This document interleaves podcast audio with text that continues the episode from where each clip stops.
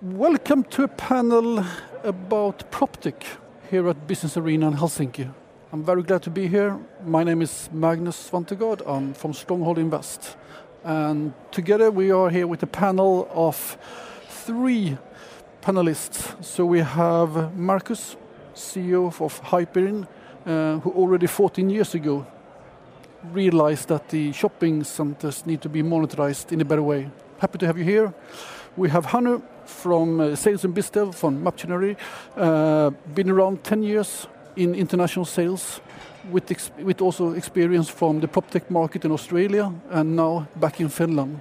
Happy to have you here. Thanks. And Tasha, co-founder of PropTech Finland Association. Very, very glad to have you here. Before we jump into the topic of what has happened in PropTech Finland and the market for the last couple of years, let's go around the table and you can do an introduction of yourself and the company, slightly more in detail. Oh, thank you, Magnus. Thanks for having me. Good afternoon, everyone. My name is Markus Porvari. I'm the CEO and founder of Hyperin, the uh, leading management platform for retail real estate, and uh, glad to have you on board. Yeah, and I'm Hannu Stewart. Um, currently work at Maptionnaire, which is a public participation platform. We um, work a lot with developers, architects, urban planners to uh, help bring a citizen uh, perspective and, and experience into the planning process.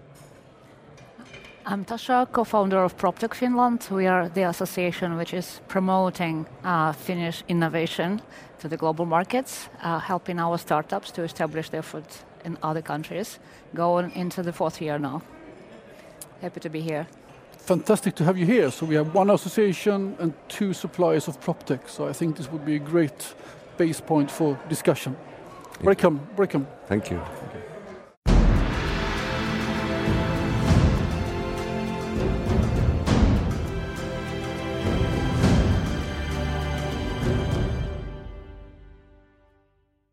So, jump into the subject. Uh, PropTech is nothing new, it's been around for a long time, but like all other industries, the last couple of years with COVID has been a, a challenge. What have you seen, Tasha, in the Finnish market for PropTech companies?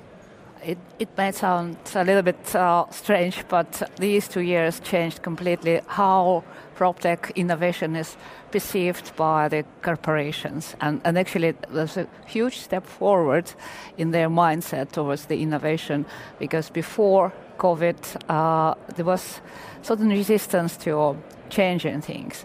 But after two years of lockdowns and being sort of closed up in your home-based office, uh, people start to realize that digital technologies are actually something they need. Not only they can have, but they, they need to have or must have.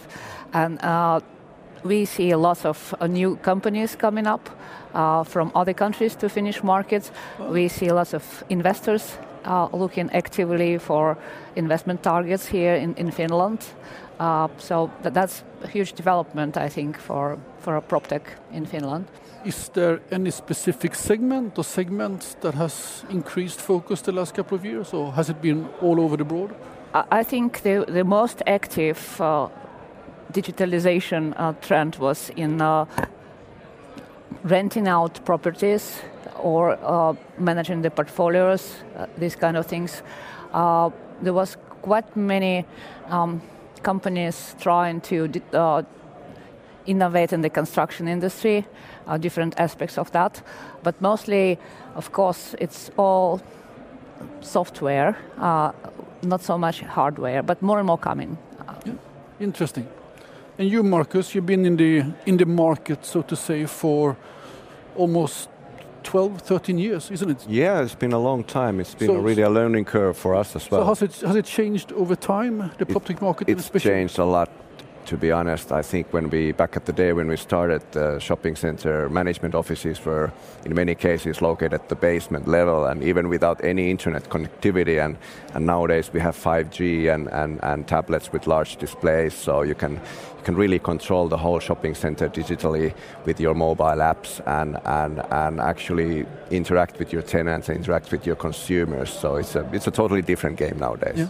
And has it changed? I assume, especially selling to shopping owners and, and, and, and management firms running the show at, at Shopping Malls must have been a terrible situation the last couple of years. Yeah, I think when, when we started, I was just talking with Tasha about earlier about this. When we started, there was no prop tech at all. We didn't belong in any industry, and now we have this industry niche, so we can really belong in in in in, in, in this market, and, and it's easier for us and also easier easier for our customers, the shopping centers, to actually get more aware of what is out there in digital yeah. perspective. So even in the times of pandemic or crisis, uh, you need to have a robust digitized solutions in order to manage and monetize your mall. Otherwise, uh, people will go will go into the silos.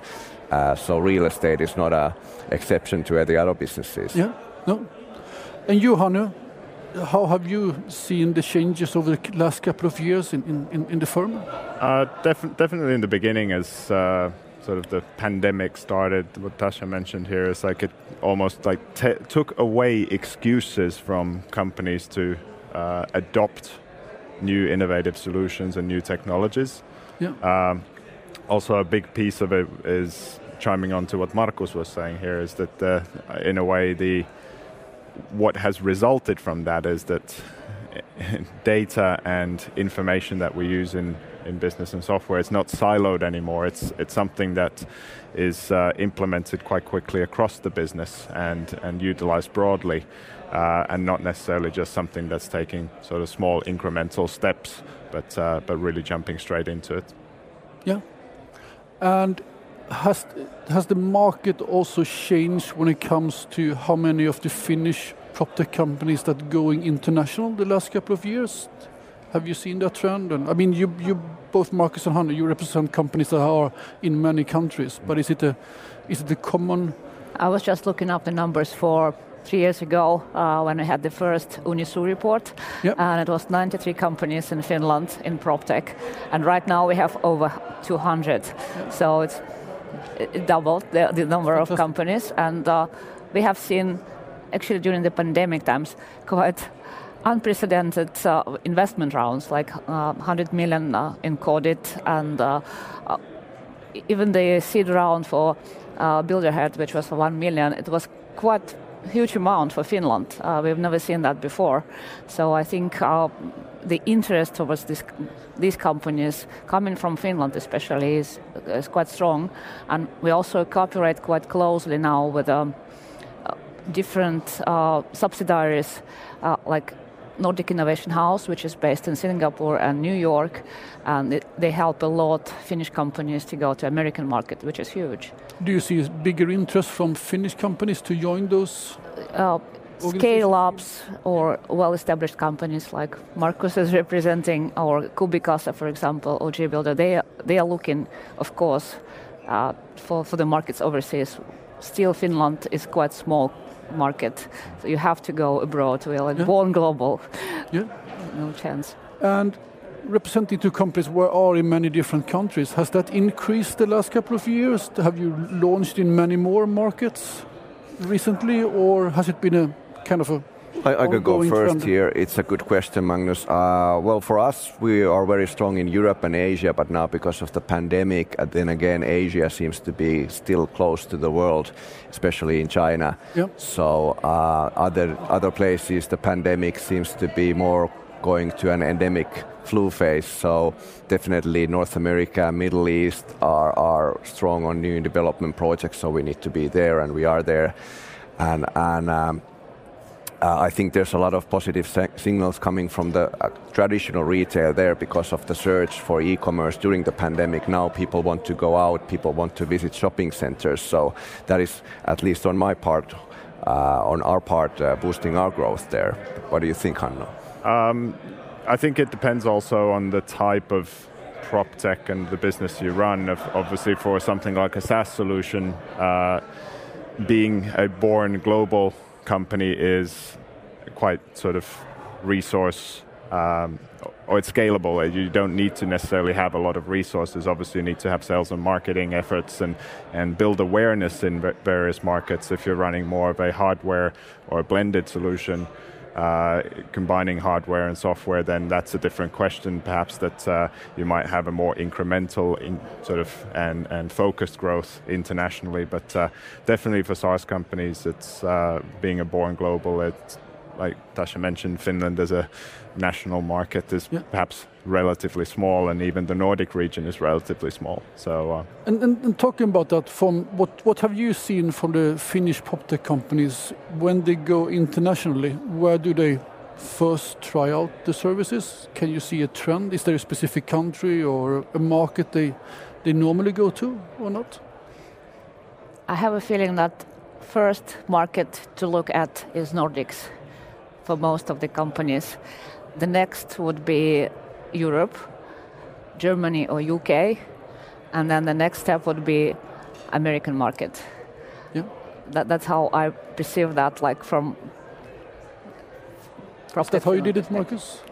Well, actually, we chose Asia instead of the North American market because of the, the, the shopping mall and shopping uh, center culture. So we were seeing in Asia uh, when we actually started planning, when we started the 2008 and, and, and started the internalization, then uh, all the numbers were, were uh, looking more positive in Asia because of the shopping center development and constructions. People there are moving from the countryside into the cities and they're actually building cities, building shopping centers. And, and in North America, we saw actually the e commerce surging and, and, and the investments into new development and also the software and management monetization platform for uh, decreasing. So we actually chose Asia instead of North America. But now, actually, because of the pandemic, North America then seems to be opening. So now we are active there again. Yeah. So it, it, depends on the on the timing to be in the right place at the right time, I guess.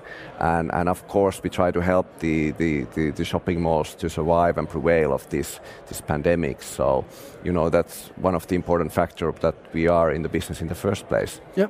Good. And Johan, you have a very interesting background since your previously employed employer was in an Australian prop tech company. Mm. Can you explain a little bit if you see any differences or learnings from representing a Finnish PropTech company or an Australian on the international market? Uh, definitely, I think one of the pros for a Finnish company or Nordic company is the, the entire region is quite often seen as a hub for innovation. So there's there's that uh, um, I would say positive running for any any company that's coming from the region that uh, we're, we're seen as um, drivers of innovation. Uh, but at the same time, I think it depends on which markets you are targeting. And working for um, Australian prop tech, uh, the connection between the US and Australia was very strong. Um, having that uh, background, it was very easy to focus on the US market. Whereas, again, perhaps here, what Tasha mentioned, it's quite traditional for many Finnish companies to kind of expand gradually from Finland to the yeah. Nordic region and to Central Europe and, and to UK markets perhaps first. But uh, um, I think each company needs to sort of play to their strengths and, and uh, take into the consideration the characteristics that uh, where your customers might be and where you might have that competitive advantage uh, compared to, to other providers and, and uh, players in the market. So. And what you, have you seen, Markus, being a Finnish prop tech company going abroad? Is it just positive, or are there pros and cons with coming from the Nordics or Finland? Well, I think uh, you know Finnish software is well known from its quality, and, and Finnish people are well known for being fair and honest. So I think those are our competitive advantages coming from Finland. Of course, it's a small market uh, smaller countries. So uh, we're not doing that much uh, still in terms of branding like companies coming from Sweden or Norway, but we are getting there. I think I'm also um, in many advisory boards for scale ups and startups in the prop tech area, and I, I, I see that we don't brag about ourselves that much. So I think that's kind of missing, but we're getting there slowly but surely. Yeah, we were talking before the panel here, you it's and I. It's a positive and negative at the same time. Is the pros and cons about being very honest? Is that yeah. maybe you're not as good Work. when it comes to sales? But yeah. Working, sales work, has a part of being kind of over promising. Working often with a Finnish company, you get what's on the label exactly, but uh, but uh, perhaps in a competitive situation when you're going head to head with another company, we might be sort of we might want to learn to brag a little bit and perhaps. Uh, uh, yeah. push the agenda a little bit further than. Uh, I think I think most players from out from the Nordics need to be much better when it comes to sales and marketing. That's my opinion, absolutely. And, and Tasha, how is PropTech Finland, the association, working with scale-ups that want to go international? You, you, I know you have an event, for example, in New York, if I'm not. Uh, we are working with international hubs and Nordic hubs. To, uh, we're trying to um, make our startups more visible, participate in all kinds of events, all kinds of uh, awards. Uh, we created Nordic PropTech Award uh, together with other Nordic associations, and that was the, the first round this year, and I think that was a big success already.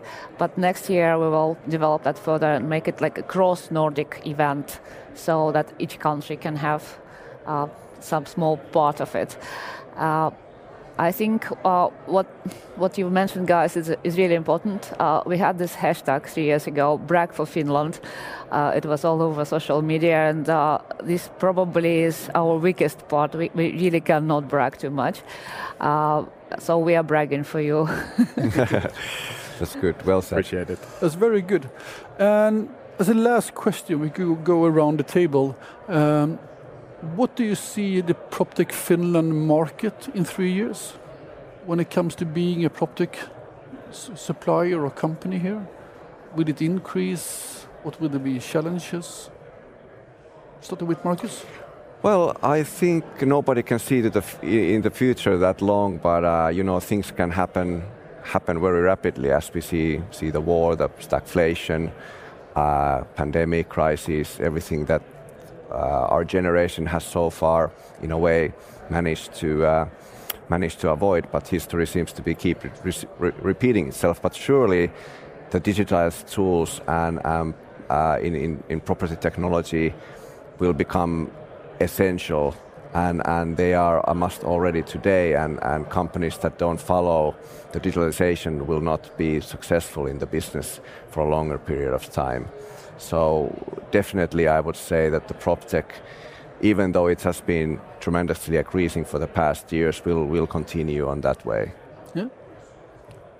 Generally, I'm very optimistic in terms of what we can achieve. I mean, we've started to build a robust platform. I think uh, uh, challenge in the overall environment is that we need to attract and acquire the right talent and, and uh, to, to boost that talent across the sort of industry. That's something that uh, uh, Finland, like any other country, uh, is co- obviously competing for the same talent and talent and uh, how we market ourselves again in that perspective, not only as companies but as a region, is something that I think everyone should keep an eye on.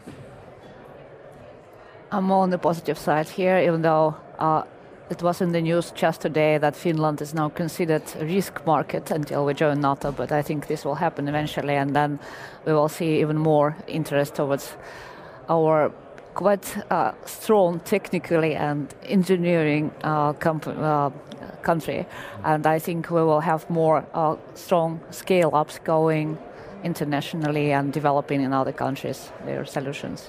Yeah. So in a way, one can sum it up that it's looking really good even after those two, three years of COVID. The future looks really bright. We just need to learn to brag a bit more. Yes, I, I, I can I can agree on that sum up. yeah. Thank you so much for the panel. Thank you. Thank you. Thank you, Magnus, having me. Thank you.